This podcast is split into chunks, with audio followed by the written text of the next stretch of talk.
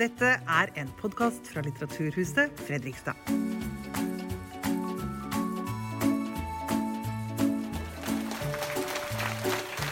Ja, kjære alle sammen. Hjertelig velkommen hit til eh, Litteraturhuset Fredrikstad og til det som er et av hovedarrangementene under dokumentarfestivalen Kontrast. Jeg heter Roy Konradi Andersen og jeg er daglig leder her på huset. Men nå er det duket for politisk toppmøte her på Litteraturhuset Fredrikstad. Vi lever jo i en tid med veldig stor usikkerhet. Det er storkrig i Europa. Og den er jo på ingen måte over. Det kan dessverre bli mye verre før det blir bedre. Uh, og vi har økonomisk ustabilitet, vi har klimakrise, energikrise og en sikkerhetspolitisk situasjon som bare på ett år har snudd helt, uh, som har snudd helt på hodet fra hva vi har vært vant til siden uh, den kalde krigen. Så nå blir vi nordmenn, skandinaver og europeere satt på prøve. Så hva gjør vi? Hvordan løser vi disse fundamentale problemene? Hvilke svar har vi på alt som skal løses på én gang? Så det er ikke så ofte da, at vi kan skilte med to tidligere statsministre til å forsøke å svare på akkurat disse spørsmålene. Carl Bildt var eh, Sveriges statsminister fra 1991 til 1995. Og så var han landets utenriksminister fra 2006 til 2014. I dag reiser Carl Bildt verden rundt som en av våre mest erfarne diplomater. Og regjeringer verden rundt ber om hans råd. Nå er han også aktuell med boka 'Mina krig'. Erna Solberg var, som dere kanskje husker, statsminister i Norge eh, fra 2013 til 2021. Og hun er fortsatt leder i partiet Høyre, som dere vet. Og etter alle solmerker så er hun også da statsministerkandidat ved neste stortingsvalg om to år. Hun er aktuell med boka 'Veien videre', og Erna vil signere bøker ute i baren etter det hele. Og til å lede oss gjennom kvelden så har vi naturligvis holdt oss på helt øverste hylle. Hanne Skartveit er politisk redaktør i VG og en av landets mest durkdrevne journalister. Så velkommen på scenen, Carl Bildt, Erna Solberg og Hanne Skartveit. Ja.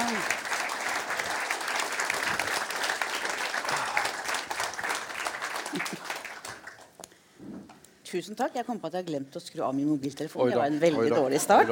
Så jeg vil bare minne alle, også mine to deltakere her, om jeg har gjort. Velkommen, alle sammen. Velkommen, tidligere statsministre Carl Bildt og Erna Solberg. Den ene av dere mer nylig enn den andre. Begge fra Konservativt partier. Der var det en som ikke hadde skrudd av, ja. Norsk... ja. Jeg var statsminister. Det var sen bronsealder. Ja. det var et tak siden. Og Erna Solberg har jo da ambisjoner å komme tilbake igjen som statsminister i Norge, mens Carl Bildt gjennom disse årene har hatt hele verden som sin arbeidsplass. Han var statsminister i tre år og utenriksminister i hele åtte år. Og det er vel gjennom hans internasjonale engasjement nordmenn flest kjenner Carl Bildt. Vi må begynne med Ukraina. Rett inn i det. Tilbake til 2014. Til Russlands annektering av Krim. Og du Bildt, har vært engasjert i det egentlig hele veien siden lenge før. Men resten av verden reagerte den for langsomt og for svakt den gangen da russerne annekterte Krim? Du får begynne nesten den historien sommeren 2013, året innan, når vi begynte se de første tegnene på at den russiske politikken hadde forandret på et mer dramatisk sett. Da var det få som reagerte. Det var få som hadde fokus på Ukraina. Det kom sedan et halvår senere når vi fikk et uh, mycket dramatisk møte i Vilnius i Litauen när Ukraina skulle underteckna samarbetsavtalet, vittgående samarbetsavtalet med EU. Och det ryska trycket gjorde att den ukrainske presidenten Janukovych backade ner. Han kunde inte, han vågade inte på grund av ryska trycket. Det ledde till Majdan, det ledde till omstörtningar i den ukrainska politiken och det ledde så småningom till den stora förändringen i den mer aggressiva ryska uppträdandet med både Krim och sedan eh, östra Ukraina. Hade det blivit annorlunda om världen hade reagerat snabbare? Svårt å vite. Eh, tror det knappast, men det hadde vært bedre i alle fall. Mm. Og du Erna, var jo statsminister den gangen. Mm. Tok dere det som skjedde tidsnok på stort nok alvor? Jeg tror vi tok det på alvor akkurat når det skjedde. Mm. Men så slapp vi nok skuldrene litt ned. Mm. Altså Vi tok det på alvor når uh, konflikten startet og situasjonen Altså selve annekteringen. Og Norge gikk jo inn i de første første mm, sanksjonene. Jeg pleier å si at EU var veldig lure i de første sanksjonene. De laget sanksjoner som egentlig bare traff ett land i Europa, det var oss. Men vi undertegnet likevel. Men så måtte jo Jo da, det var deep sea drilling. og teknologiutvikling på olje og energi, altså de spørsmålene som Norge egentlig hadde mest samarbeid på. Vi mistet jo i løpet av det første året 90 av all vår handel med, med, med Russland pga. mottiltakene til, til, eh, til russerne. Og det har fortsatt sånn hele tiden etterpå. Men så tror jeg, eh, Og så holdt vi jo den politiske avstanden i og for seg i, de neste tre-fire årene. Eh, jeg tror kanskje den største feilen Europa gjorde, var egentlig ikke i 2013-2014, men det var i Georgia. Og det var at Hillary Clinton og Obama trykket på denne restart-button etter konflikten i Georgia så raskt at, Og da snakker vi 2008. Da snakker vi 2008. Og da, da tror jeg russ, altså Putin følte at Europa og Vesten klarer ikke å stå over tid i en konflikt, og at ethvert amerikansk presidentskifte gjør at man da skal begynne på nytt. Fordi at det landet er fullt av altså politikere som alltid tenker man skal gjøre noe annet enn det den forrige gjorde. Og jeg tror der var det et svakhetstegn fra den vestlige verden, sterkere enn i 2014. Så har man jo gjort mye siden 2014. og det har jeg lyst til å si. Altså, vi, har hjulpet fra, vi har hjulpet Ukraina til å bygge opp et sterkere militært system. De har jobbet siden 2014 med å bygge opp den hæren vi i dag ser faktisk fungere. Eh, Norge har gjort noen små bidrag i det. Vi har gjort det på atomsikkerhet der. Vi, har gjort det på, på, vi gjorde det faktisk på pensjonssystem for for, eh, for det militære, hvor vi liksom hjalp med ordningen og sånn. Eh, og litt mer sånn low-key. Og andre land har jo vært inne og hjulpet på dette. Men det er klart, man har ikke skrudd til for å stoppe russerne på en ordentlig måte. Eh, og det er vel det at Putin føler at han kan trykke på, og så tør vi ikke svare. Og det mener jeg faktisk at Europa har klart å gjøre nå. Vi har klart å svare nå, men at det var seint. Og historien har jo lært oss eh, at russerne ofte er dårlige i starten av en krig. Og så pleier de å komme seg etter hvert utover. Er det for tidlig å tro nå at de har gjort det dårlig? Både første og andre verdenskrig så var det jo ganske skralt ganske lenge. Ja, altså jeg er overbevist om at det er historiens lærdom. Uh, andre världskriget, ja. Uh, første världskriget sluttet i katastrof eh, för det ryska imperiet. Det gick under. Ja, ja. Krimkriget gick åt helvete. Eh, rysk-japanska kriget var en veritabel katastrof. Mm. Så att alltså, den ryska erfarenheten av krigföring är inte så där helt imponerande alltid. Uh, men som sagt, andra världskriget är ju den, liksom, uh, den stora seger som de lever på. Mm. Och det är klart, det var ju en stor seger, ingen tvekan om detta, som dock underlättades, det ska vi inte glömma, av betydande allierad hjälp som, skulle, som gjorde det möjligt för Stalin Sovjetunionen att mobilisera de resurser som krävdes. Men sen också en stark vilja, inte bara av det ryska, ukrainska och vitryska folket. Vi glömmer ofta att eh, när ryssarna talar om de stora offer som de gjorde i andra världskriget så de nationer som förlorade mest det var Belarus och Ukraina och därefter Ryssland. Ryssland förlorade mycket. Men det var också Belarus, som vi sier også. Eller jeg vet, Sier man Belarus eller Hviterussland i Norge? Nå er det politisk korrekt å si Belarus. Nå er det politisk korrekt. Da, skal, da sier jeg tror Språkrådet fortsatt mener det heter Hviterussland, men eh, ja. ja. Men NRK har snuttet med det og begynt med Belarus. Da kjører vi på NRKs linje. Nei, men, uh, og jeg er anhenger av den linjen, men vi, ja. vi har eksakt samme debatt i Sverige. Uh, rätt länge mellan språkforskare och politiker och vad som är rätt. Men i alla fall, det var inte det som var poängen.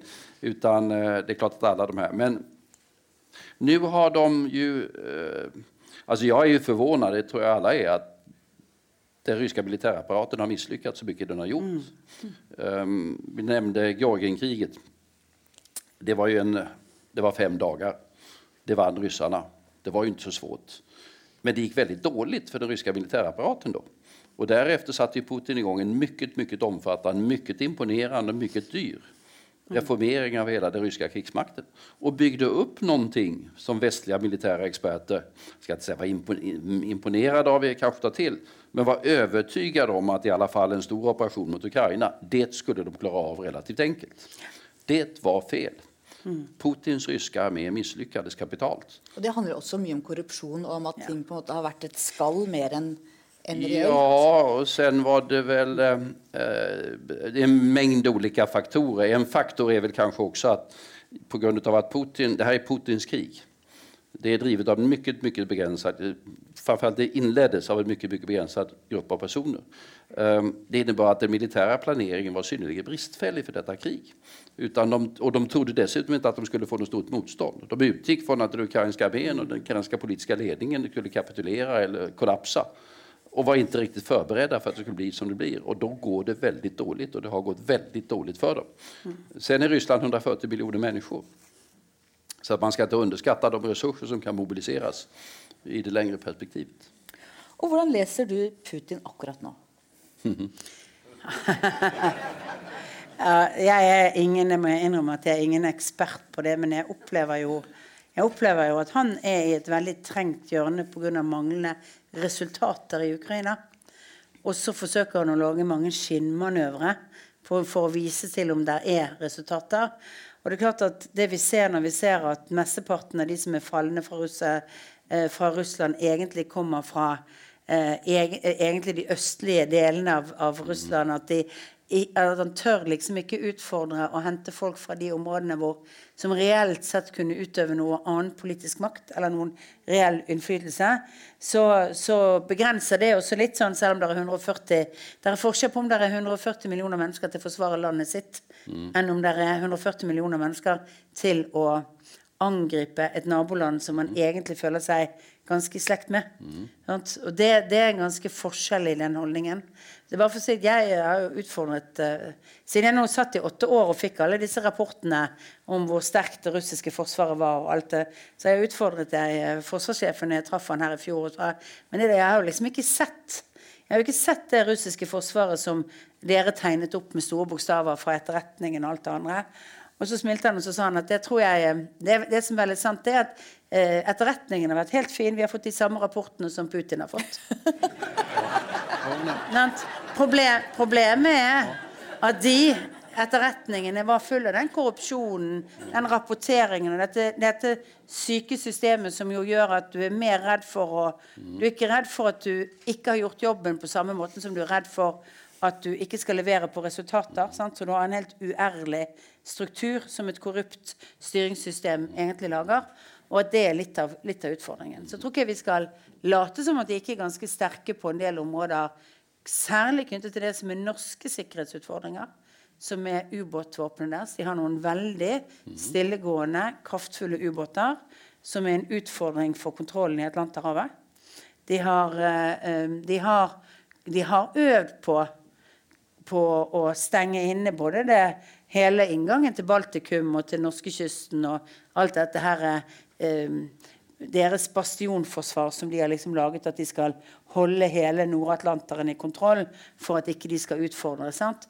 Sånn at de, eh, de, har nok en del teknologiske ting som er, som er ganske viktige, selv om hæren deres ikke har fungert og har forsyningssystemer. Så jeg, jeg tror ikke vi skal vi, vi, kan, vi har ikke, Selv om det har sett dårlig ut, så er det fortsatt kapasiteter som er farlige for oss hvis noe skulle skje. Ja, och det är dessutom så att nu vet vi inte hur det här kriget kommer att sluta. Men det, vi kan ju inte utesluta att även om Ryssland kommer dåligt och försvagat ur det här kriget, för det gör de, så kan vi inte utesluta att de bygger upp kapaciteten igen under ett antal år. Och det har vi lärt oss i våra länder att bygga upp militär kapacitet. Det tar tid. Så att vi måste ha en försvarskapacitet som vi bygger med mycket långa tidshorisonter mm. för att vara beredda på det som kan inntreffe lenger fram. Og der har jo både min avis VG og mange andre kritisert både din regjering og andre regjeringer for at man ikke har kommet opp på 2 av forsvarsbudsjettet. Att man da Jeg var på mange, dekket mange forsvarssjeffremlegginger av langtidsplaner, mm. hvor både din regjering og andre regjering har valgt de laveste alternativene, også etter 2014. Mm. Ja, men det som skjedde etter 2014, var at fra å gå nedover i forsvarsbevilgninger, så har vi gått opp. Og i perioden fra 2013 til 2022 så er det en realvekst på over 3 hvert eneste år i selve forsvarsbudsjettet. Det har altså falt nå. Og så pleier jo jeg da å si som mitt forsvar altså I 2020 så ble det 2 men det ble jo ikke bedre forsvarsevne av det. Altså Det er to måter å nå et prosentmål på. Det ene er at du har en pandemi som gjør at BNP faller. Da når du 2 Det ble ikke en eneste soldat til av det. Og så tror jeg det er veldig viktig å huske Forsvaret må bygge sten for sten. Eh, og det vi har hatt, vi får veldig opp og ned BNP pga. oljeøkonomien vår. Så vi får liksom litt sånne teoretiske øvelser som ofte går veldig høyt opp. og sånn. Men vi må bygge sten på sten, for dette er kunnskap, kompetanse og kapasitet som skal bygges. Men likevel har dere jo ikke levert på de høye kravene fra forsvarssjefene. Dere har jo lagt dere på laveste alternativ. Men vi skal la det ligge. Eh, Jeg kan forklare det også, vet du, men vi skal ha det. For vi lot forsvarssjefen få lov å fortelle hva han virkelig ville ha. Det har ingen regjering gjort siden den kalde krigen var over. Da har de sagt minus 20 null og pluss 20 Vi sa at for, for eneste regjeringen som noen gang har bedt forsvarssjefen si hva er det forsvaret du ønsker å ha. Og det var et ganske kraftfull økning det vi la inn likevel. Men vi kan jo ikke legge inn det han egentlig ville ha. Okay. Så det, det er forskjellen. For denne dagens regjering har faktisk foreslått at man også skal vurdere lavere rammer. Men jeg tror i hvert fall det er et viktig at alle regjeringer satser mye på Forsvaret i tider som dette. Er det mulig med en politisk løsning? Er det i det tatt rom for diplomati i det vi står i nå med Ukraina? Og hva, hvordan vil det i så fall se ut? I et visst läge er det mulig at det kommer å skje, men det er vi vinter nå. Ja. Eh, Det er alldeles uppenbart att eh, Putin er helt overbevist om at han måste vinne dette kriget. Og jeg tror han har rett i det. Han måste vinne dette kriget. Eh, Det finns ingen, eh, det finns ingen kompromiss för honom. Han, är, han har talat sig in i en historisk vision och en historisk roll för sig själv. Eh, Och han har förknippat hela sin politiska framtid med denna. Så att någon politisk mening i, i mening fred, eller politisk lösning i mening fred, finns icke så länge herr Vladimir Putin har den yttersta makten i, i Kreml. Och sen tillhör ju det som är nödvändigt för att freden ska bli möjligt att vi får ett fungerande och säkrat Ukraina. Alltså medlemskapet i den Europeiska unionen är rätt avgörande för att detta ska vara möjligt. Reformera ekonomin, reformera samhället, säkra det hela på ett eller annat sätt. Nato. Det råder delade meningar om detta. Jag sa att Jens Stoltenberg var i Kiev idag och försökte förhandla fram någon kompromiss hur man ska göra detta. Det spelar väl inte så stor roll om det är formellt eller inte, men det måste vara reellt.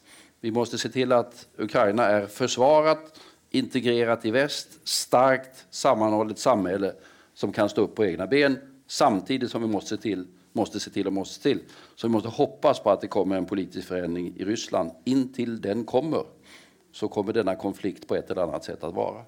Og du snakker om EU. Eh, kan man se for seg en, en EØS-tilknytning? I første omgang har Norge og Sverige ulike interesser eller ulike synspunkter på hva som vil være den ideelle tilknytning for Ukraina til Europa når alt dette er over? För Ukraina mener du? Ja, nei, Gitt at dere er medlem i EU, vi har EØS-avtalen som vi ønsker å beskytte. Ser du at EØS kan være en mellomstasjon for Ukraina før EU? Nei. Nei. Nei. Det er det som er vanskelig. Vi, vi, er- vi, for oss er EØS-avtalen altså For meg er den viktig fordi vi ikke får ha EU-medlemskap. Men, men for Norge så er den jo viktig hvis du ikke vil ha EU-medlemskap. så er den viktig fordi den gir oss full deltakelse i markedet og sånn. Men den er jo Vi er ikke med i tollunionen. Og det tror jeg er ganske viktig for Ukraina å komme inn i. Det er også ganske vanskelig for Ukraina, for de er et landbruksproduserende land. Og landbrukspolitikken i EU er ganske komplisert og vanskelig. De er på den motsatte siden av det Norge er i den diskusjonen. Hvor Norge vil beskytte med egne støtteformer til et veldig dårlig landbruk. Så har Ukraina et veldig industrielt og sterkt landbruk som vil utfordre alle bøndene i Europa. Sant? Så det er en Ja, det er brødkurven til Europa. ja, sant. Altså det, det, det er liksom det motsatte. Så der er, det, det er viktig liksom å tenke gjennom er hvorfor har vi det sånn som vi har det i EØS i dag. Og er det en løsning Ukraina vil synes er bra? Nei. Sant? Men samtidig kommer det til å være det vanskelige temaet i forhold til Det, EU. det kommer alldeles, men altså, man skal, når, når, når Norge hamnade i EØS, så var det liksom det det blev. Så är det folkavstämningen. Och Norges intresse var ju mer ekonomiskt än politiskt egentligen.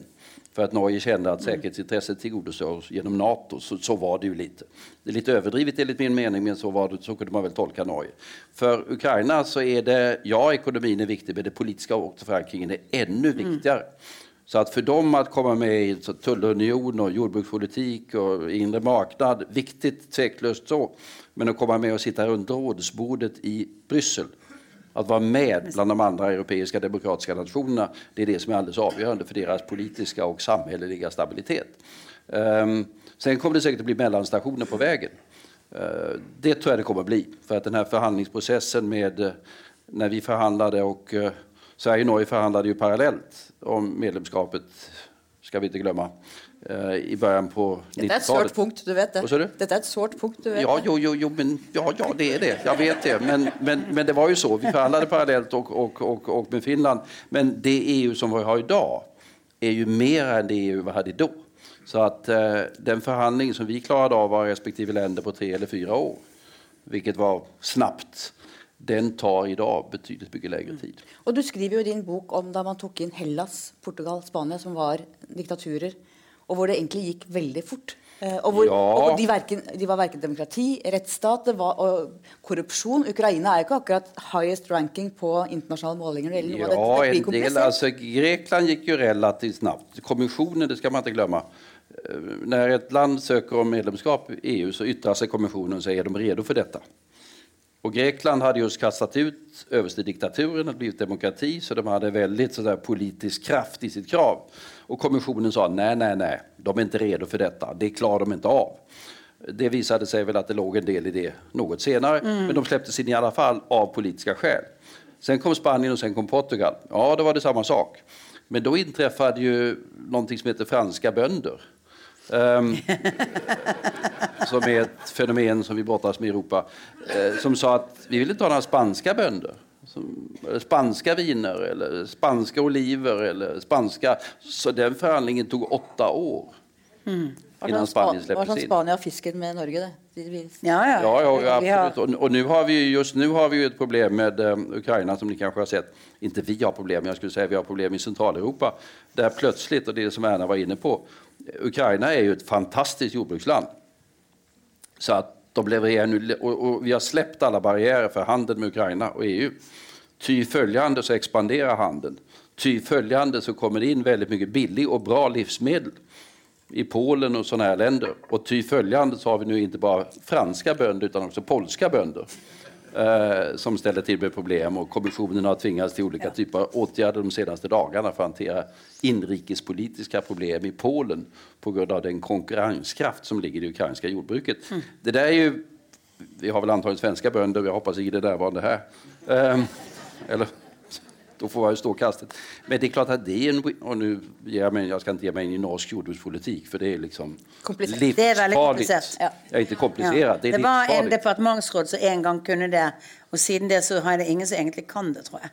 I Norge heller. Det bare går sin gang. Ja, jo, jag kan tänka mig det. Men alltså, från, från min utgångspunkt så är det klart att så länge vi har tillgång till billiga och bra livsmedel så ska vi vara glada. Ehm, och det har vi i alla fall haft som försökt ha som filosofi i Sverige. Men ehm, det ikke alle bønder. Det er litt forskjell i Norge. Veldig. I Norge er det veldig viktig å sørge for at eh, fjellbønder i Nord-Norge også har Jo, det bra. ja, nej. altså det er et sysselsettings... Ja, det er distriktspolitikk. eh, distriktspolitik som ni kan, distriktspolitikk. ja, Ja. det har vi lagt av i Sverige. Men la oss, gå, la, oss gå bort fra, la oss gå bort fra landbrukspolitikken tilbake til Ja, ja. Ukraina. Vi snakker om mulig endgame. Altså, Ukraina har det travelt. Europa har det travelt. For hva hvis republikanerne, og særlig Donald Trump, vinner valget neste gang? Ja, det Gud förbjude höll jag på att säga, men eh, man kan ju inte utesluta det. Då ska man komma ihåg i och för sig att det har inträffat, ikke inte ofta, men då och då. Om vi går tillbaka de senaste decennierna i den amerikanska historien så har det förekommit presidentkampanjer och presidenter som har vunnit på löftet jag ska avsluta det där kriget och jag ska göra det snabbt. Det kan vara avsluta Vietnamkriget eller avsluta Irakkriget eller avsluta Afghanistankriget. Det är åtskilliga presidentkandidater som har sagt detta under själva valrörelsen.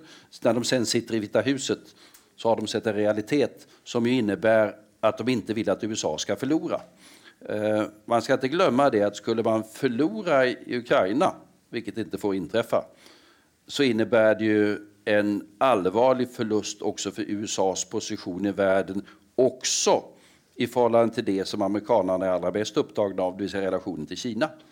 Skulle det bli så att, så att USA bara backar ur Ukraina, ger en fördel till Putin, så är det också en signal till Xi Jinping att han kan göra saker gentemot USA. Och jag tror att den insikten kommer vara återhållande starkt också på dem i det republikanska partiet som nu, valrörelse är ju valrörelser, eh, som säger vad de gör. Sen är ju den här individen Trump som nämndes är ju en lite svårbedömbar personlighet. Han er jo veldig glad i Xi Jinping. Han mener at han er den kjekkeste og smarteste, og du finner ikke bedre i Hollywood engang. Ja, nei, det, så kanskje. Smaker det ulike. olika. Og så tror jeg, jeg tror ikke man skal undervurdere at, det, eh, at litt som de første signalene til, til eh, Trump når han kom og han begynte å true med, eh, med Nato-utmeldelse, sånn du får enstemmige vedtak både i Kongressen og i Senatet, sant, som sier at man står bak eh, artikkel 5, og at det er liksom en del altså, Og du fikk en egen turné av, av eh, representanter fra Kongressen som reiste rundt i Europa for å fortelle alle land at dette var, dette var ikke eh, det USA faktisk mente. Og jeg tror nok du vil oppleve at i forhold til Ukraina-saken så er det nettopp sånn at eh, det vil være et stort nok flertall i den amerikanske kongressen og annet som vil korrigere en president på, på det. Men det er klart at det vil skape en uro. Og den polariseringen vi har i USA, hvor, hvor det nesten alltid er sånn at eh, det er ikke noen andre som har skylden utenfor landet på noe. Det er alltid det andre partiet som har skylden for noe. Og man alltid velger sine interne fiender for alle problemer. Det er en av de utfordringene som, som gjør at det er lettere for mange av de autoritære landene å vokse og utbre seg i, i verden i dag. Fordi at USA er så ekstremt polarisert. Eh, i, I forhold til det å være litt mer høyrøstet i forhold til, til eh, menneskerettigheter eller demokrati eller å støtte, eh, støtte opp til andre land. Og det, det må jeg si at jeg er litt redd for det. Altså Jeg er redd for liksom at, at et USA som fortsetter den veien vi har sett med, eh, med et mer eh, ja, et mer populistisk republikansk parti med Trump f.eks., hvis det kommer tilbake til ledelsen, det er, bidrar egentlig til at de landene vi ikke liker styresystemet for i verden, får bedre a- armslag. Fordi de skaper et litt eh, kanskje bare si litt impotent USA i verdenspolitikken. Du møtte jo, har jo møtt Trump og kom jo ganske godt overens med han. Du håndterte deg ganske bra. Vil du fortelle Utrolig altså Bare fortell det. Så lenge Norge hadde handelsunderskudd med USA, så gikk det bra. Altså Så lenge han vant handelskrigen, i den grad det var ikke noe krig i det hele tatt Vi fortalte at vi kjøpte store, fine fly, altså F-35, og at vi kjøpte og ikke svensk fly. Um, og at vi kjøpte veldig mye Teslaer. Så var han fornøyd, han. Det det han var, det han var mest opptatt av, var to ting. Det ene var militærutgifter, og det andre var at vi kjøpte amerikanske varer og tjenester. Og vi, vi, var, vi, vi har en minus i handelsbalansen vår. Iallfall i de årene hvor gamle dager når olje- og gassprisene var litt lave. Nå er jo de selvforsynt med energi. Og det gjør jo også at det handelsunderskuddet i forhold til Norge blir faktisk vedvarende på amerikansk side. Det gjør jo at vi, i tillegg så så um, virket det som han likte nordmenn. Det, ja, han ga jo uttrykk for det på et tidspunkt, at Men- men det betyr- han ville ha flere av oss. Det betyr at Norges beste triks er å fortsette å ha et handelsunderskudd. Dersom du blir statsminister igjen og han blir president, så Til USA. Vi må ha et Ja. handelsoverskudd et annet sted. Ja, men til det, USA. Det, var, altså, det er jo Trump er ikke politiker sånn som vi andre er politikere med langsiktige politiske vyer og saker. Han er sånn tikk av-saker. Og da er det det at du har gjort en god deal. Right? Altså det at du har med et land, det, det virket for meg som en veldig sånn eh, tydelig. Og så må vi bare innrømme det at eh, han er nok en mann med mye testosteron òg. Eh, og det betyr at mannlige politikere eller kvinner med veldig mye politisk makt er kanskje mer utfordrende for hans ego enn en norsk dame. 5,5 millioner mennesker og et underskudd på handelsbalansen. Da kan man være sjenerøs og hyggelig. Ja, det Det er, jeg, Nei, altså Sverige, Sverige hadde jo ikke de fordelene i forhold til Donald Trump som, som, som Norge hadde. Och jag har aldrig träffat honom, men jag hörde beskrivningen av vår dåvarande statsminister Stefan Löfven, og och säkert hört det, han var över och träffade. Och det var ett mindre lyckat möte av den enkla anledningen att vi hade ett, inte samma handelssituation, utan och vi, det var flera andra faktorer i detta. Och, ehm, eh, han avslutade mötet väl i förtid, för han tyckte det var tråkigt och eh, ointressant. Eh, men då hade vi då efter tysk modell så hade vi tagit över svenska näringslivsföreträdare som han skulle träffa. Så då leddes han ut från, från den stackars svenska statsministern då till träffa de svenska affärsledarna och då var han i sitt esse. För det var liksom samma.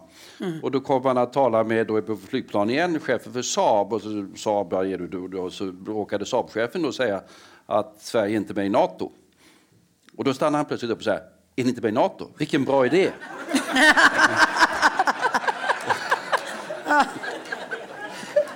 Och det var ju liksom, hur hanterar man sånt? Så ja. Men, og och det var ju samma dag för övrigt som hans chefsekonomiska rådgivare avgick i protest mot den samlade politiken. Ja. Ja. Vi har jo stadig diskusjoner både blant kollegaer og veldig mange diskuterer det. Det amerikanske demokratiets fremtid, er det grunn til å være bekymret eller ikke? Jeg velger å være optimist og mot å tro at de har klart seg gjennom krise før. Samtidig kjenner jeg en dyp uro som du er inne på, at det er veldig veldig splitta. Men de har hatt borgerkriger, de har hatt borgerrettighetskamp. altså De har klart seg før. Men jeg må si for egen at jeg er jammen ikke sikker. Nei, altså Jeg er bekymret for det, fordi, at, uh, fordi det er så polarisert. Og, så, eh, og da, da, Du kan få to reaksjoner på det. Det er at du får en avmakt ved at folk ikke stemmer. Eller du kan få det du fikk ved sist valg. At du mobiliserte velgere på begge sider. ved at, eh, Og som jo gjorde at Biden altså Det var jo den høyeste valgdeltakelsen USA har hatt på var det 40 år eller noe sånt ved et, ved et presidentvalg. Så i så måte så kan det jo virke mobiliserende også.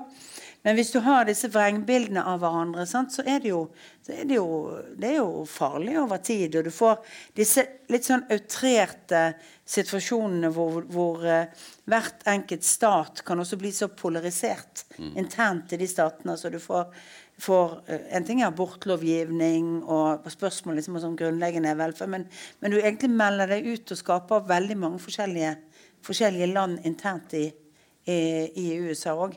Men det, for meg er det viktig, altså, den viktigste utfordringen er at det svekker USAs rolle i den internasjonale arena. Som førsteforsvareren for demokrati, for menneskerettigheter, for, sanne, altså sånn, den, for åpenhet. Og at det gjør at alle de andre kreftene sant? Altså Hvis ikke USA klarer å ta et presidentskifte uten at man krangler om eh, Eller hevder at man har, har uh, vunnet valget, men at noen har fusket. Hvilket annet demokratisk land skal ikke komme i den situasjonen på et tidspunkt? Sånn, er, og da er det veldig vanskelig å fortelle afrikanske land som, som liksom bør lære seg at de, når du taper et valg, så går du av. Du gjør ikke kupp. Altså sånn, sånn som vi tenker er, men det, Og det blir jo en rolle, eh, altså blir en vanskelig modell, da. Mm. Er du bekymret for det amerikanske demokratiet? Ja, ja kanske... Jag tror att den amerikanska demokratin kommer att överleva. Eh, det tror jag. Men eh, jag är djupt bekymrad över, som Bernhard säger, den politiska utvecklingen och den, den svag... Nu ska man ju säga att trots detta så har ju Biden-administrationen levererat internationellt ledarskap i Ukraina-frågan som har varit väldigt viktigt och stärkt den transatlantiska samhörigheten. Allt detta. Så det finns väldigt mycket positivt att säga om politiken under det här ett och ett halvt år som har gått un under detta krig. Men polariseringen är skrämmande. Jag är där ganska ofta, det var där bara för någon dag sedan. Jag är alltid som så när jag kommer till USA och när man blir insläppt, det tog mig en och en halv timme häromdagen, men jag blev insläppt. Eh, så kommer man fram till hotellrummet och då sätter jag på tvn och tittar, sitter först på Fox News och tittar på det i 30 minuter. Och sen så sätter jag på CNN och tittar på det i 30 minuter. Och så undrar jag var jag befinner mig. För det är totalt olika verklighetsbilder. Uh, og vi kan i den norske inrikespolitiken, skulle jeg tro at det er så, i den svenska inrikespolitiken er det så at vi kan være osams om rett mye. Men vi, har i, og vi kan også strida om verkligheten litt. grann. Sånt forekommer i den nordiske politikken. Men vi arbetar jo i huvudsak innom samme rammer. Mm. Uh, den politiske motsetningen. Det gjør man ikke lenger i USA. De arbetar efter helt olika verklighetsbilder. Och, och, och fakta och sådana där saker betyder mindre och det är ett kulturkrig som pågår. Det har mindre att göra med politiska ideologier og sånt som vi ägnar oss åt i våra nordiska välfärdsdemokratier. Eh, det är eh, kulturkrig som är emotionella och som leder till en väldig konfrontation. Sen hålls detta samhälle i alla fall uppe av en betydande apparat som sysslar med säkerhetspolitik och sånt och det är det som vi är väldigt beroende av. Men vi har aldrig varit bekymrade. Men utan att eh, förhoppningsvis leda til en situasjon der dette går alldeles fel. Men Frykter dere også at den kulturkrigen og woke-debatten smitter over på oss? Eller er vi et annet type samfunn hvor de ikke får det grepet? Eh, noe av det smitter jo over. Vi får jo en del debatter som jeg syns er litt rare i forhold til Norge. Fordi, vi har litt andre Vi har andre grunnlag og sånt i vårt, vårt samfunn. Samtidig skal ikke vi undervurdere f.eks. Jeg er opptatt av at vi må respektere minoriteters opplevelse av politikk og samfunnsliv og samfunnsdebatt og forstå det. Det skriver jeg faktisk litt om i den boken òg. At vi må, altså vi må liksom la de ha litt sannhet. For det, for det, er bare, for det er de som har erfaringen med mm. alt det massive trykket de kan oppleve opp gjennom en oppvekst og et liv og alt mulig sånt som er. Eh, for, sant? Eh, så, vi, så, vi, må forstå liksom hva det vi kan tenke på, er bare morsomheter eller vitser eller ting som sies. Hvis du har hørt det hundre ganger i livet ditt, så føler du deg at du er en annen. At du føler deg ikke inkludert i samfunnet. Så den forståelsen mener jeg egentlig at vi må lære oss i vårt samfunn uh, å ha. Og at vi derfor uh, ser samfunnet av og til litt med at de har rett til å bli respektert for det. Men det er klart, uh, av og til så opplever jeg uh, det litt sånn parallelt med, med, med, opplevelsen jeg ofte hadde av, av eh, diskusjon rundt eh, kirkens rolle når vi hadde statskirke, men også kirkens rolle i skole. alt sånt. Det er jo ikke de andre religionene som er mest opptatt av at ikke vi skal på en måte undervise om kristendom i skolen, eller hva det er. Det er jo egentlig humanistene og ateistene og de politisk korrekte nordmennene som ikke tror på noe og mener man ikke skal ha noe av den innflytelsen. De andre som tror, respekterer jo ofte andre som tror. Sant? Selv om man tror på noe annet. De forstår den religiøse bevegelsen. Og litt tror jeg det også i denne Vogue-debatten. At av og til så er det egentlig litt sånn at, uh, at, det blir korrekt. Det jeg er redd for, er når jeg ser denne undersøkelsen vi har, om at ungdom opplever at de ikke tør å ytre seg. Fordi de er redd for å ytre seg politisk ukorrekt og bli kansellert av sine venner eller si noe som er feil. eller sånn. Altså at For den ungdomsgenerasjonen så er det et annet trykk på den biten av debatten. Eh, og det Så vet jeg ikke om vi overdriver det. Altså Tenåringer er nå alltid følsomme på alt. Sant? Og det kan være man overdriver det litt. Men jeg tror kanskje at eh, vi, er, vi importerer noen av disse debattene. Og en benk i parken altså Linné Jeg vet ikke om du er klar over vi har en norsk debatt om en benk i Botanisk hage av den svenske Linné. Han mente noe feil om kolonier og raser på et tidspunkt. Gjorde han det? Ja. ja det et, og da er det noen som har ment at vi skulle fjerne den benken som har hans navn på. Ja, men det, det døde veldig fort hen. Men det ble en stor debatt. Jeg tror det var i din avis òg. Eh, etter e- ett innlegg så ble det en stor debatt om hvor woke vi var blitt. Nej, vi har jo haft uh, vi har ikke hatt så mye av dette i Sverige, men det er klart det finnes en antydan da og da.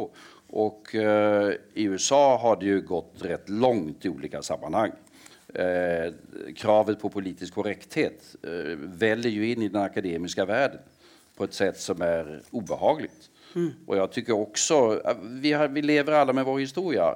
Alla delar av den historien är kanske inte som vi skulle vilja göra den om vi kunde göra om det, vilket vi inte kan. Uh, och en och annan staty förekommer på gatorna av någon som kanske inte var politiskt korrekt med dagens mått mätt. Men vi kan inte hålla på och göra som man gör i USA, ta ner alla statyer. Uh, därför att de inte uppfyllde feminismens krav eller rasteori mm. eller vad det nu är för någonting. För att då tror jag att vi hamnar i en situation, vi kan inte sudda ut historien, vi måste leva med historien, vi måste leva med det som har varit. Uh, och där tror jag nog att vi är lite bättre i de nordiska samhällena. De tendenser vi har, lite grann finns. Mm. Men uh, än så länge ingenting som uh, uh, Det finns ju, alltså ta sådana här frågor som diskuterade tidigare um, som ju nu är ohyggligt uh, polariserande i USA, abortfrågan. Kommer inte ihåg när det var, det var säkert 25 eller 30 år sedan som vi hade detta som en stor fråga i Sverige. Potentiellt stor fråga. Alltså det finns väldigt mycket känslor, väldigt mycket moral, väldigt mycket etik mm. i detta. Men vi lyckades så småningom få ta fram en kompromiss av något slag. Och lever med denna kompromiss som är relativt självklar. Samma är det väl här ungefär. Så att vi, vi, vi har lyckats genom att även i så pass svåra frågor som det de facto är, det ska man ju värdera att det är det, så har vi lyckats gjennom samhørighet i våre samfunn att nå fram til kompromisser som vi sen lever med. Det amerikanske samhället er ju större geografiskt, det er mer splittrat, de har en historia i rasfrågan som er plågsam for dem. De har også eh, religiösa motsättningar i den meningen at de har ju väldigt många olika kyrkor som tycker väldigt olika och som delvis, ikke minst de kristna kyrkorna, de evangeliska kyrkorna, är ju tämligen fundamentalistiska i olika frågor på ett sätt som vi inte har på samma sätt i våra nordiska mm. samhällen. Så att vi ska vara vaksamma, ja. Men jag tror att vi lever i en lyckligare del av världen. Det tror jeg du har rett i. Mm. Norge og Sverige er jo like mye, men vi har også noen ulikheter. Hvilke interesser ser dere at Norge og Sverige deler i utenrikspolitikken, og hvor skiller vi lag? Vi deler vel de fleste interessene.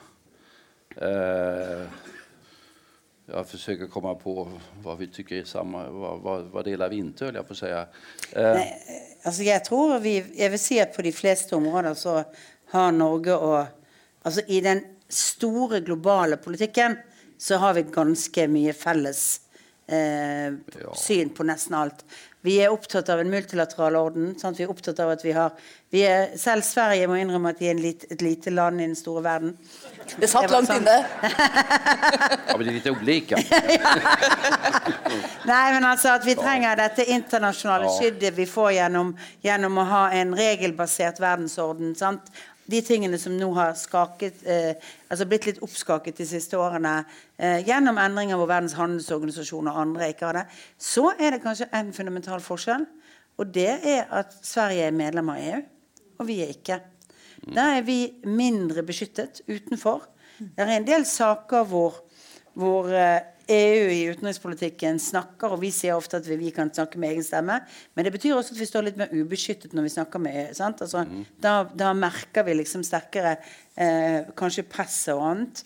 Eh, men, men eh, Og det gjelder jo sånne Vi har nok noen ulike handelspolitiske utfordringer også fordi at EU kommer med stor tyngde, forhandler en handelsavtale, kan få gjennomslag for det. Og hvor Norge gjennom EØS vi forsøker å komme etter og få til det samme. Men vi Både fordi vi har noen nasjonale hindringer på landbrukspolitikken, men også fordi vi er så liten at de ikke bryr seg så mye om oss. Sant? Så vil det være vanskeligere. Og det er jo kanskje det vi ser litt mer. Vi har nå fått denne eh, handelsavtalen mellom Storbritannia og EU som har gjort at batteriproduksjon i Norge til biler er blitt mye vanskeligere til det europeiske markedet, f.eks. Det er ikke så mange som er klar over det, men der vil det da det, det bli toll hvis det produseres i Norge. Så, så, det er litt sånn eh, er en, vi, Vår plassering gjør at vi har noen andre behov. Eh, fordi vi har valgt oss utenfor, så kan noen si at da kan vi fredsmegle litt mer enn en del andre steder i verden. Det er mulig. Men, eh, men ivareta norske interesser blir litt mer krevende for når vi står utenfor. Så du mener egentlig vi bør gå inn i EU? Altså, jeg, mener jo, jeg, altså, jeg mener jo vi burde vært medlem av EU basert på det, det er jeg helt ærlig på. Jeg kan ha mange rasjonelle argumenter for hvorfor ting er forskjellig nå. Men jeg mener jo at det å være med på den europeiske solidariteten er noe vi burde gjort og vært med på. Det legger jeg jo ikke skjul på. Men jeg mener også at vi har noen sårbarheter i dagens verden som vi må diskutere i Norge. For vi er en eh, vi er, for å si det sånn, Det er ikke så mye hjelp i Liechtenstein og eh, Island som det er i Tyskland og Frankrike i en situasjon. Jag, jag, jag försöker komma ihåg vilka stora konflikter vi har haft mellan Sverige och Norge under den tid som jag har varit med. Och det är väl två stora konflikter som vi har haft, som har haft att hantera. Det ena rörde um, vad heter det? Det heter sådär eh, köksväxter. Va? Sådär, man har små blommor i fönstren. Ja, potteplanter. Ja, precis, potteplanter. Um, ja, det, det här är en stor fråga. Um, och, och i, og med at Norge har sin jordbrukspolitik og EU har sin jordbrukspolitik så kan man ikke handla med potteplanter. Um, og detta ledde til en, en stor kris uh, for et antal år siden, som vi da løste opp uten at det kom til krigiske forviklinger. Um, det enda større var jo da, og det drabbades jeg flere ganger med flere norske utenriksministre som ringde meg og sa nu det du gå alldeles til helsike. Och det är den så kallade renbeteskonventionen. Oh, ja, Det ja. finns något, renbeteskvadriljen heter det väl, från Ja, ja, mitten av ja, ja. 1800-talet. Som, är ni medvetna om detta? Nej, ni kommer från fel del av Norge. Ja. Det, um, Samme eh, Ja. det är alltså, det reglerar hur renjordarna kan gå över gränsen. Reinsdyr. Ja, Reinsdyr. Ja. Ja, dette er og och det, och det, ja, det heter något speciellt det där. Ja. Och det, detta, Lappekonvensjonen, ja. Ja, men, ja, men, ja, 1600-tallet. det är lite, ja, men i alla fall, det där försöker Norge att respektera och det försöker Sverige att respektera. Problemet är att rendjuren inte respekterar det hela. ja. Så att plötsligt så finner då de svenska samerna att det står flera tusen norska redar och äter på deras mark. Eller så är det motsvarande och då förväntas de att utrikesministrarna i Sverige och Norge ska reda upp detta. Ehm, och sånt kan leda till betydande problem. Ehm, Men om Særlig hvis det er vindmøller. Ja. Ja, eh, herregud, jag har talat om det. Men även detta har vi löst utan krigiska förvecklingar. Eh, Men, men sen har vi, för att vara lite seriös, vi har ju lite olika perspektiv. Både i den meningen att Norge är ju en Atlantnation. Sverige är en Östersjönation. Eh, Norge tittar mera västerut och norrut. Sverige tittar mera österut. Sverige är en tyngre energination. Ni är en energination. Um, så att du får lite olika perspektiv i politiken, men grundläggande värderingar och intresse. Och uh, vi har alltid, under all tid jag har varit med, samarbetat synnerligen väl i utrikespolitiken. Också med Finland, som är betydelsefullt för Sverige. Faktiskt också med Danmark. Og det mest spennende som skjer nå, er jo når Sverige snart, kryss fingrene for det, Ja. blir medlemmer av Nato, Ja. Finland er blitt, så kan vi se på det sikkerhetspolitiske bildet på en litt annen måte. For det, altså Jeg satt i den forrige forsvarskommisjonen. Mhm. Nå kommer det en ny en om, om ti dager. Det er, det er tilbake til 19, Vi ga rapport i 1992. Da var vi jo ikke sikre på at svenske fly ville gått opp hvis Norge hadde blitt angrepet. Altså sånn, du kunne ikke regne med det. Jeg tror vi kunne regnet med det nå, før også man ble medlem av, av, av, Nato. Men den gangen kunne man ikke gjøre det. Og det gjør jo på en måte at vi kan se samordnet på forsvaret vårt på en helt annen måte. Hvor Norge har noen store komparative fortrinn knyttet til, og behov knyttet til den maritime sektoren. Sant? Og, og hvor det må være liksom et tyngdepunkt i, fordi at det er vår kyst som gjør oss så utsatt.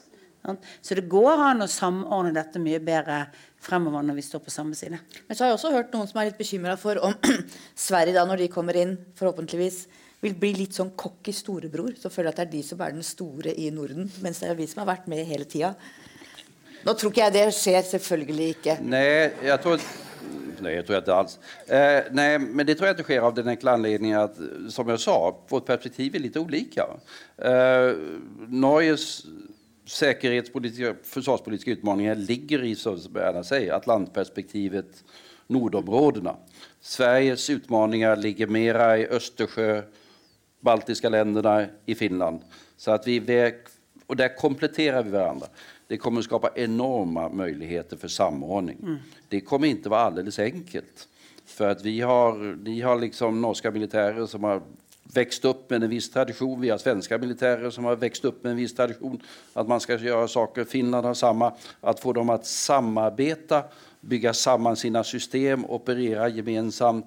Det kommer ta sin tid.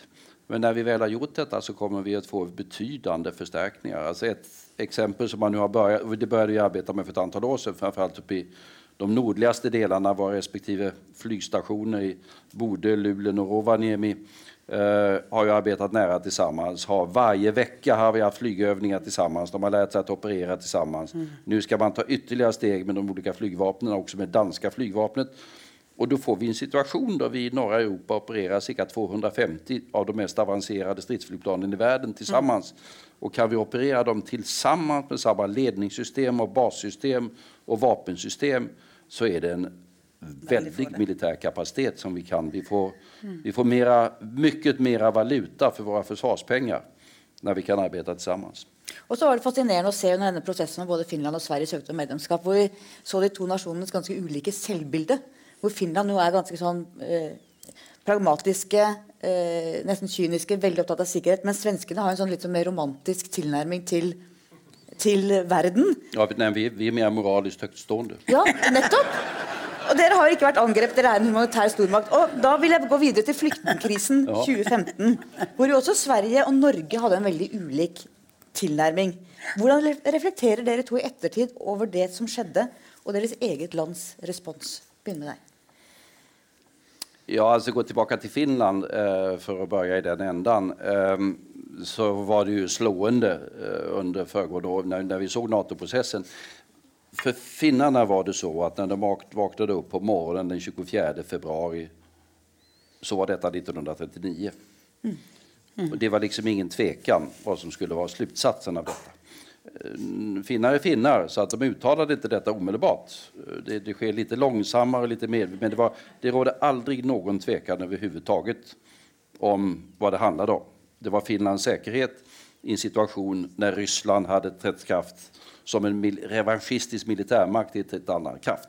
Og det, den finska processen gikk sin egen gang. Sverige, som sagt, eh, Finland har jo sikkerhetspolitikk sitt DNA.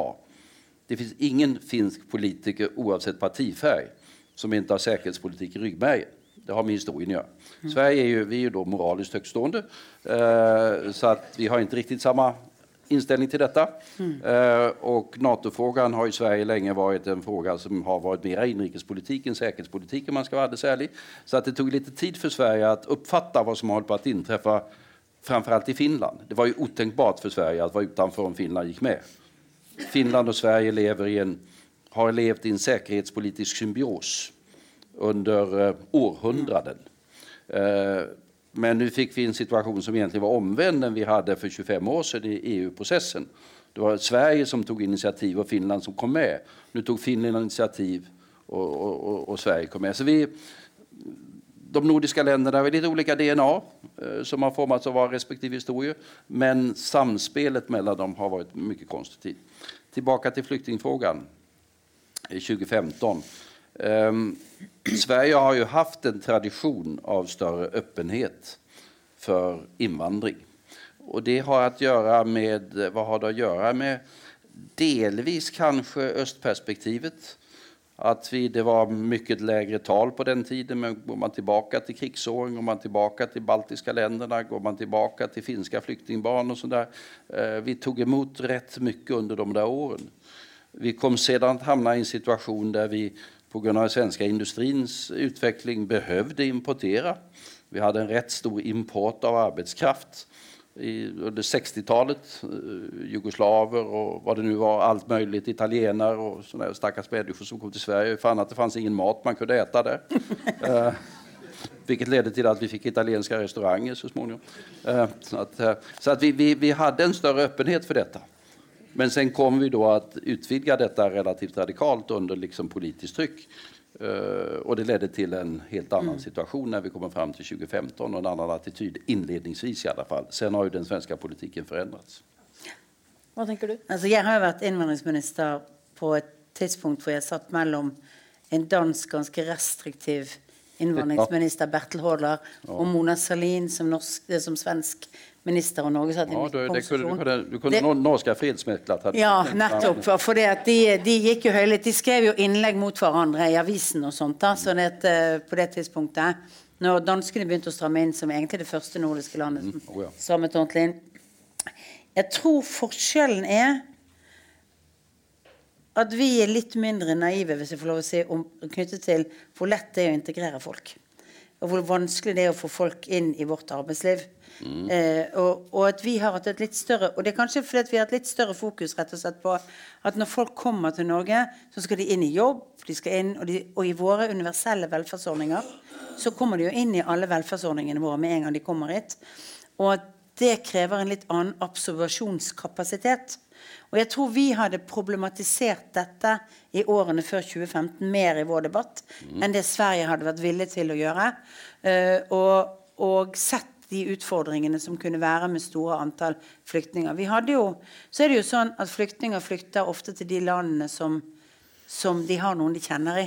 Sant? Så Sverige har jo proporsjonalt også langt flere mennesker som kommer fra Midtøsten, enn det Norge har hatt før, før Syriakrisen. Det var naturlig at man fikk et større press på Sverige, rett og slett fordi de hadde flere onkler og fettere og, og den typen eh, ting. Akkurat som vi har tamiler i ganske stor mengde som Sverige nesten ikke har noen av. Fordi vi hadde bistandsprosjekter på Sri Lanka og studenter som studerte her. og sånn. Dette, dette er sånne strømmer som du kan følge liksom, når konfliktene går på ulike ting. Men jeg tror nok at det hadde litt, litt å gjøre med liksom, forskjellen.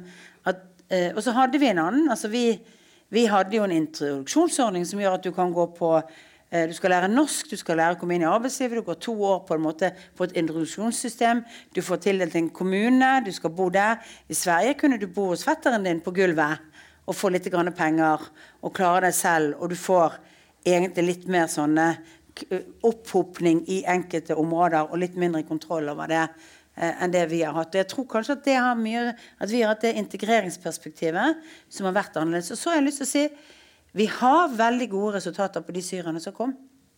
Hvis vi ser på antallet som er kommet til jobb, antallet som går videre, eh, altså sånn som, som klarer seg, så, så, mestret vi ganske godt den gjengen, den, den litt store biten som, som, kom på det tidspunktet. Eh, bedre enn vi har gjort med noen av de gruppene som kom i noen år før. Eh, men veldig mange kommuner stilte solidarisk opp, og vi klarte kanskje å finne den balansen. Men det er klart, vi har jo den tradisjonen hvor vi har brukt noen virkemidler som jeg brukte da jeg var kommunalminister, over liksom å fortelle at Norge er egentlig et veldig dårlig land å komme til. Eh, for min, når, jeg var, når, jeg var, minister for innvandring, så fikk jo vi flyktninger fra, fra, fra Bulgaria og fra Ungarn og fra Romania. Sant? Det var før 2004. Og Da måtte vi jo fortelle dem at nei, det er disse her menneskehandlerne som selger dere, gratis, eh, selger dere turer til Norge. For det er, enkelt, det er ikke sånn at det er enkelt å få jobb i Norge når du kommer på denne måten. Eh, jeg husker beste eksempelet var da jeg var kommunalminister. Så var det en estlender som vi hadde utvist tre ganger før, eller fire ganger før. Så blir han da intervjuet på Dagsrevyen, for det er jo det vi gjør. Altså, da blir man jo intervjuet på Dagsrevyen når man blir utvist for sin fjerde gang. Da sto han på, på flyplassen og sa han, I'll be back. Jeg er helt sikker på at han er kommet tilbake igjen. For etter 2004 så hadde han jo fri adgang til å jobbe her. da Men, men, eh, men eh, vi, har, vi, har, kanskje som bare sånn eh, Vi har kanskje tenkt og problematisert litt mer integreringsproblemene. Vi har et annet boligmarked. Vi har en annen måte å, å, å, gjøre disse tingene på. Der er det ganske stor forskjell. Og så er det veldig stor forskjell på debatten. I, i norske debatten så er svenske tilstander et begrep og når vi ser altså, kriminaliteten i svenske storbyer nå, med no go-soner, med bomber i oppgaver også i finere boliger, så må vi spørre oss hva er det som har skjedd i Sverige? Ja, jeg vet ikke riktig. Eh, det måste jag säga. Det, alltså det som vi har drabbats av, og det finns ingen riktig bra forklaring på det hela. Varför har vi mer skjutvapen? Eh, som er relatert til det som jeg skulle jeg tro finnes i Norge også, dvs. Si narkotikahantering. Um, men det har i Storbritannia till exempel, där man har lika mycket narkotika, så skjuter man inte varandra, man dödar varandra med kniv. Mm. Uh, det är inte så mycket bättre det, uh, enligt min mening. Ungefär samma sak skulle jag nästan säga. I slutändan är det ju det. Men det, det har kommet uh, att utbildas olika typer av traditioner. Jag tror att det delvis har att göra med att vi har fått en, vi fick en ökad exponering till Balkannätverken. Mm. Uh, och mycket av det här med skjutvapen kommer ner fra Balkan. Man måste ju få vapnen någonstans ifrån. Mm. Och de nätverken kommer att utvecklas under en period som hade förklaringar som vi inte ska behöva gå in i i och för sig, men som hade att göra med smugglingsnätverken och sen har det kommit in och sen har det blivit då, eh, kamp mellan olika grupperingar som kämpar mot varandra. Det är i huvudsak detta det handlar om. Det är olika kriminella nätverk som bedriver krig mot varandra. Danmark har ju varit i den situationen, delvis i alla fall. Mm och med relativt hårda åtgärder fått det lite mer under kontroll. Sen har vi, om man ska vara ärlig, vi har haft svårt, tycker jag, att få, jag vet inte hur den norska erfarenheten är där, men uppenbarligen bättre. Vi har haft svårt att få ordentlig organisation på vårt polisväsende. Vi har väldigt mycket folk i polisväsendet, det saknas inte folk. Men vi har omorganiserat polisen många gånger. Och det vet man ju att varje sån här organisation, det, det är fråga om kultur och sätt att arbeta och det ena med det fjärde. Mm. Eh, så det svenska polisväsendet har inte riktigt, på grund av alla omorganisationer, haft förmågan att ha mm. Känna av pulsen av samhället på samma sätt som ett polisväsende måste göra för att hålla det här under kontroll. Förlorat lite lokalkontakten. Um, och det är delar av förklaringen till att vi brottas med det som vi gör för ögonblicket. Mm. Sen har vi haft andra problem också. Erna nämnde att ni har kanske, jag vet inte om den norska bostadsmarknaden fungerar bättre eller sämre, men det går inte att ha en bostadsmarknad som fungerar så mycket sämre än den svenska bostadsmarknaden Jag tror vår fungerar bättre. Ja, det, jag skulle tro det också utan att veta någon om den norska. Men jag vet tillräckligt mycket om den svenska för att hålla det sannolikt att det är bättre idag. Um, och det har också betytt rätt mycket för att det får svårigheter med integrationsproblematiken. Vet att I Norge så eier over 70, nesten 80 sin egen bolig. De bor ikke i hyresleier. De, og det betyr at du får en sosial mobilitet. Ja. Hvor folk som klarer seg, flytter ut. Ja. Og det får du en større bevegelse av ja. i et system enn der hvor man sitter med faste kontrakter, sånn som man har i, og hvor mye, mye leide leiligheter i, i, i Sverige. Så jeg tror at boligpolitikken har vært en av de viktige godene for vår integreringspolitikk eh, i Norge. Ikke fordi det har vært en del av integreringspolitikken, men fordi det har faktisk eh, Og det gir et motiv til å Du tar bedre vare på nærmiljøet ditt hvis alle sparepengene er i det huset, og du egentlig vil få solgt det huset til en noenlunde god pris. Da er du mer opptatt av nabomiljøet ditt og, og alt det rundt. Altså, en sånn kjerneverdi iallfall for synes jeg, borgerlige velgere liksom, at du tar vare på ja, at selveierskapet er ganske viktig i forhold til, til den typen ting. Men bare si, jeg tror vi har litt mindre av den gjengkriminaliteten som har satt seg fast i Sverige. Mm. F.eks. i Göteborg, som er litt annerledes enn de vi vanligvis hører om, hvor, vært, hvor, det, hvor man omtrent måtte innkalle Heimevernet på et tidspunkt. I Göteborg så var jo dette bandeoppgjør mellom ulike Balkan-grupper. Mm. Og det er jo et tankekors. Jeg husker jo når man rullet opp Nokas-ranet i Norge, som er et ganske kjent stort pengeran i Norge, så var jo det stedet de måtte få hjelp på den kriminelle biten, det var jo Balkangjengene fra Göteborg og andre steder, hvor de altså sporet, uh, sporet strømmen. Vi har, vi har, nok litt mindre av det, men vi er ikke vaksinert fra å få det. Og det er det viktigste. at Vi må huske at vi må aldri slutte å slåss mot at det etablerer seg. Og at det er så viktig at vi har et arbeid mot organisert kriminalitet kontinuerlig. For det er så mye penger i den narkovirksomheten at det etablerer seg, og det kommer annet. og For øyeblikket i Norge så kommer det i banankasser. Mye. Har jeg sett veldig mye kokain som er tatt inn i banankasser. Absolutt. Absolut. Og dette krever, dette krever mye mer av internasjonalt samarbeid enn ja. vi hadde før. Og det krever mye mer at vi har förmåga å ha kontroll på en del av de her internettfunksjonene. Krypteringsfrågor og sånt mm. där som er mye, mye mer besvärligt å hantera enn hva som var fallet for några år sedan. Hvis vi går fra det lokale nasjonale tilbake til den store verden, vi må også snakke litt om Kina. Mm. Taiwan regnes ut som the last unfinished, unfinished, business etter revolusjonen i 1949. Mm. Frykter dere at det kan bli en krig over Taiwan? Noen snakker til at det er, ligger en fare for en tredje verdenskrig med utspring herfra. Det tror jeg er litt avhengig av hvordan det går i Ukraina. Punkt én, altså hva Kina lærer av situasjonen i Ukraina. Punkt to, hvordan den politikken i Taiwan utvikler seg. Mm. Altså Spørsmålet er vil man vil man bevege seg mye sterkere i den graden at man skal løsrive seg og si at man er et helt annet sant? Altså, sånn forsøket. Og at det vil oppfattes som en provokasjon fra Kina. Og så tror jeg Kina må oppleve, oppleve at kostnadene ved å gjøre noe i Taiwan er så store i den internasjonale sammenhengen at det vil de ikke risikere. Og der har jeg lyst til å si at jeg tror jo at det kinesiske systemet er litt mer rasjonelt enn Putin i den sammenhengen. Altså sånn at de, de, de veier pros and cons på en annen måte enn det Putin har, altså sånn har, har gjort i den situasjonen han har vært i. Men, men eh, det er jo farlig f.eks. hvis ikke Kina leverer på økonomisk utvikling. For da vil du fort kunne risikere å få et mer, eh, mer militært basert kommunistparti i Kina som, som, er mer opptatt av hegemoni vunnet gjennom liksom, militære aktiviteter.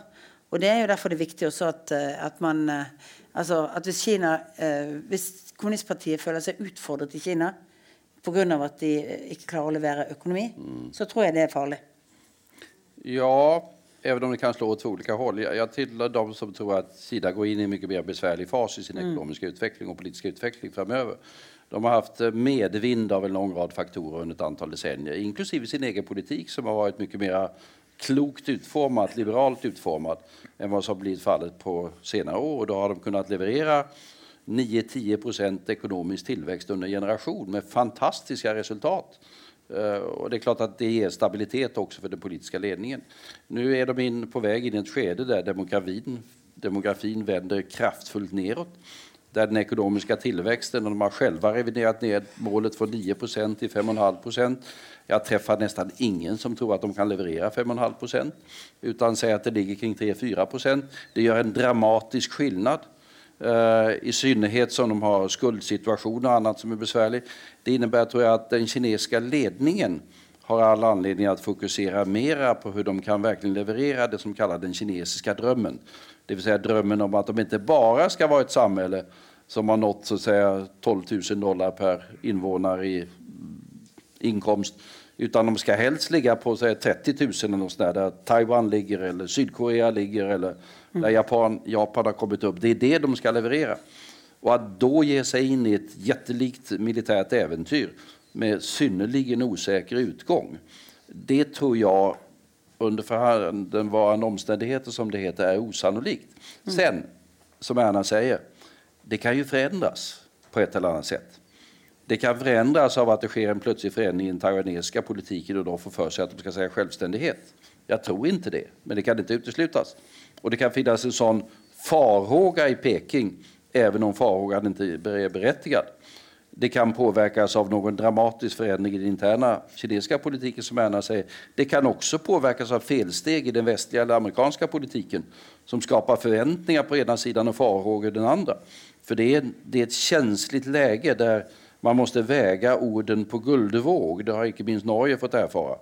Eh, man måste väga orden på guldvåg når det gjelder umgänget med eh, Kina. Och det är inte alltid så om man till exempel tar den amerikanske politikken at det där väga, väga orden på guldvåg er noe som er en kärnkompetens i den amerikanske politiske debatten. Så att det, det finns osäkerhetsfaktorer men i grunden så är jag inte oroad just nu i alla fall. Sen måste vi, och vi måste hålla på ett ett-Kina-politik, det är viktigt. Sen ska vi också stärka samarbetet med og stödet til Taiwans demokratiske utvikling. Det er en selvklarhet. Og Kina kjører ganske kraftig, si, sinna diplomati. Ikke sant? Danmark som tok imot Dalai Lama havna i trøbbel. Australia som vil ha mer kunnskap om covids utspring havna i trubbel. Eh, Litauen, hvor Taiwan åpnet et representasjonskontor i Vilnius. Hva tenker dere om Kinas Jeg trodde jeg skrudde den av. Hva tenker dere om Kinas opptreden i verden i dag? att det är relativt odiplomatiskt eh, för att uttrycka saken försiktigt, även om de just nu har blivit lite mer diplomatiska i vissa hänseenden. Men, men de är, eh, man kan väl också säga så att detta är en makt som växer. De går från att ha varit en mycket, mycket begränsad roll. Jag kommer ihåg där jag började med, eller var statsminister till exempel, det var ju väldigt länge sedan i och för sig. Men Kina fanns ju inte på den diplomatiska kartan. Eller ekonomiska eller ekonomiska ska du säga, det hänger ju ihop. Va? Men de hade ingen erfarenhet av att uppträda internationellt eh, överhuvudtaget. Eh, de kunde kanskje opptre i nærområdet, litt, men verden visste de mye lite om. De facto, det tar tid å utvikle mm. en diplomatisk, internasjonal, politisk tradisjon. Og nå ser vi att eh, det er klart at de er litt beruset av sin økonomiske framgang. Og de er fast beslutne. Kineserne har jo en Alltså den norska den svenska historien är ju visserligen väldigt ärorik på många sätt. Mm. Men eh, den är ju inte så lång med kinesiska mått mätt. Vi, vi är relativt sentida, sentida barbarer. Medan de går tillbaka på ett antal tusen år av högkultur som också har varit en av de ledande ekonomierna i världen under tusentals år. Men som sen trängts tillbaka under ett århundrade och nu vill återta en position. De hade cirka en fjärdedel av den globala ekonomin i slutet på 1700-talet. Ehm, och det är klart att det finns en kraft i den kinesiska nationalismen att återta en sån ställning. Och det sker ibland med medel som är eh, som vi har anledning att försöka disciplinera och hantera, om jag mm. uttrycker mig diplomatiskt. Ja, och så tror jag att, eh, ja, jag tror, jag tror eh, lite av Kinas diplomati dreier sig om att det føler at de ikke får den respekten de burde fått for den økonomiske utviklingen de har klart å skape. Mm -hmm. vi, eh, og, og, det må jeg jo si at det er jo beundringsverdig å vite at når vi Jeg var jo FN sånn eh, advocate for, for eh, millenniumsmålene. Og når vi kunne eh, liksom si at vi nådde millenniumsmålet på at vi har halvert verdens, eh, absolutt, altså, verdens fatt, absolutt fattigste, så var jo det egentlig bare kinesisk økonomisk politikk som hadde levert det. Mm Fordi at så mange kinesere var flyttet ut av absolutt fattigdom. og sånt, Så de forventer liksom kanskje litt mer. De, altså de, de, føler liksom at de blir pushet på. Altså, eh, på, på, en del områder hvor, eh, hvor, eh, ja, hvor de forventer liksom kanskje å få litt mer respekt. Som kanskje har med den lange historien om hvor de har vært som kulturnasjon på et, på et tidspunkt.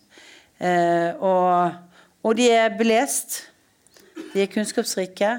De syns sant, altså på veldig mange der.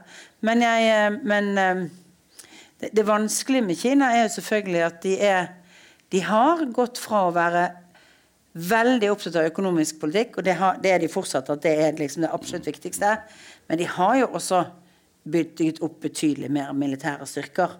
Og de pusher alle nabolandene sine litt på alt dette, fra små øyer til annet. Og, og, og, og det, er, det, er, et trykk som du opplever ganske sterkt hvis du reiser til om det er Vietnam og om det er uh, sant, altså, og Korea og alle landene rundt. De opplever liksom dette trykket.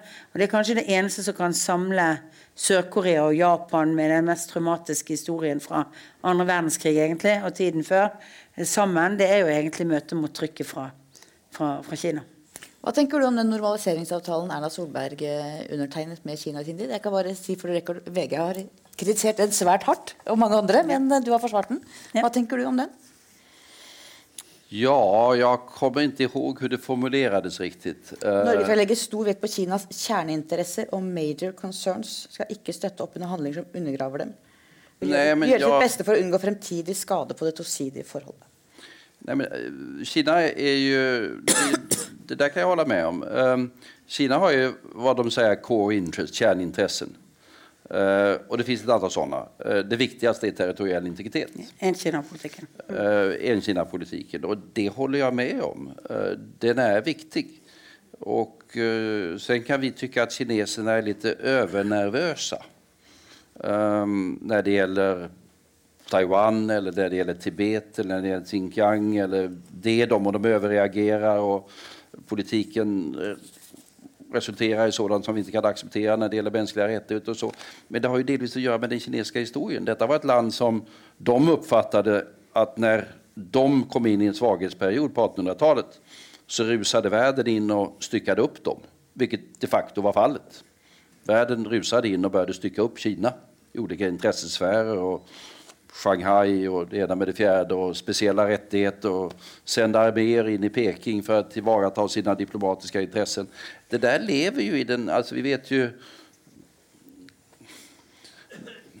aidsvåld vet alla norrmän vad det är. Mm. Mycket av det jag talar om, vad som inträffar i Kinas historia, är ju mycket mera, det kom långt senare än aidsvåld. Så det är klart att det som inträffade lever väldigt mycket med kineserna. Former av deras hårda linje vad gäller det här med core interest och territoriell mm. identitet. Vi kan uppfatta det som överdrivet. Uh, men förstår man den kinesiska historien så kan man förstå det. Så därför jag tycker det är naturligt att respektera de kinesiska kärnintressena. Vi tycker då och säger till dem att ni måste respektera våra kärnintressen. Mm. Ukrainas territoriella integritet är lika viktigt som Kinas territoriella integritet eller Norges eller Sveriges. Mm. Så att jag har inga svårigheter med det. Det var Leon Cohen som sa at uh, dere kommer ikke til å like det som kommer etter Amerika. Da er det kanskje Kina som kommer og blir den nye stormakten som setter reglene. Vi nærmer oss slutten. Mitt avskjedsspørsmål. Hva tror dere to blir historien om den tiden vi lever i akkurat nå? Ja, det får jeg Erna begynne med. Ha-ha. Ah, jeg tror at polariseringen blir stikkordet for det.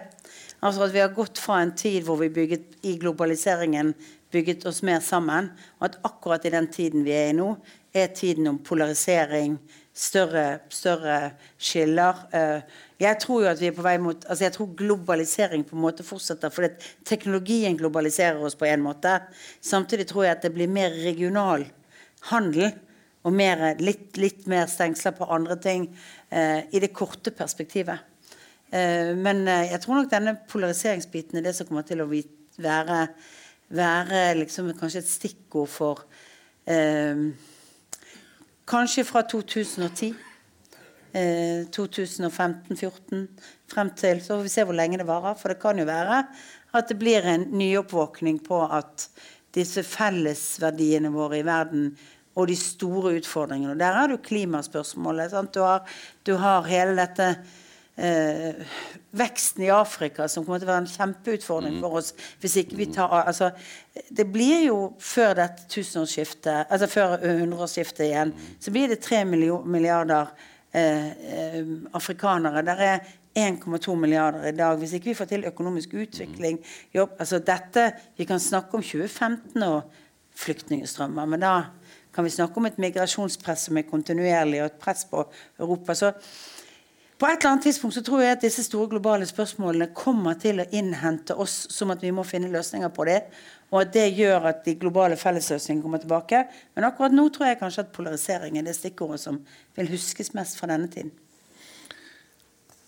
Jeg kan holde med om alt om dette, men jeg skulle tillegge, eh, som kanskje er enda mer dominerende vi, vi holder på å lämna 200 år av industrisamhällets utvikling mm. og i början av den digitale tidsåldern.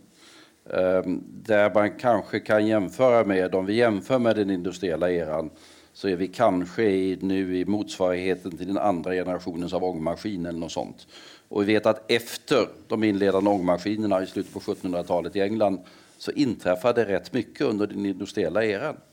Och vi har sett, ta bara det som har inträffat de senaste månaderna med artificiell intelligens. ChatGPT hade ingen hört talas om för några månader sedan.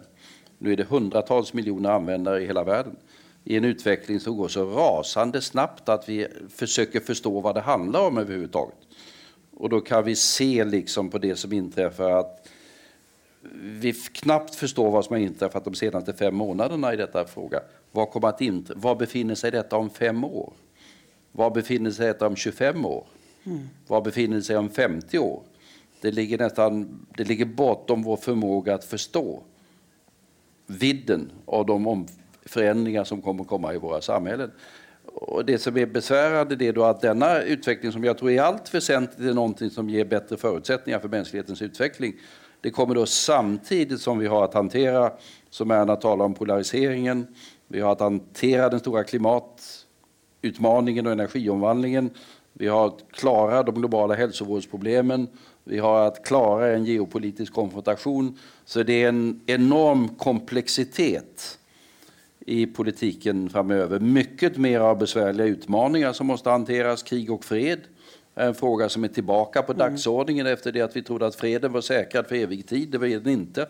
Det vet vi idag. Samtidigt enorma utvecklingar vad gäller teknik och vetenskap som kommer att omvandla våra samhällen og ställer stora krav också på politikens förmåga att forstå og att hantera. Og man sier jo at Teknologer forstår ikke nok av samfunnet, og samfunnsvitere forstår ikke nok av teknologien. Og politikere, dere må skjønne begge deler og ta oss trygt gjennom dette. Takk for at dere kom. Takk.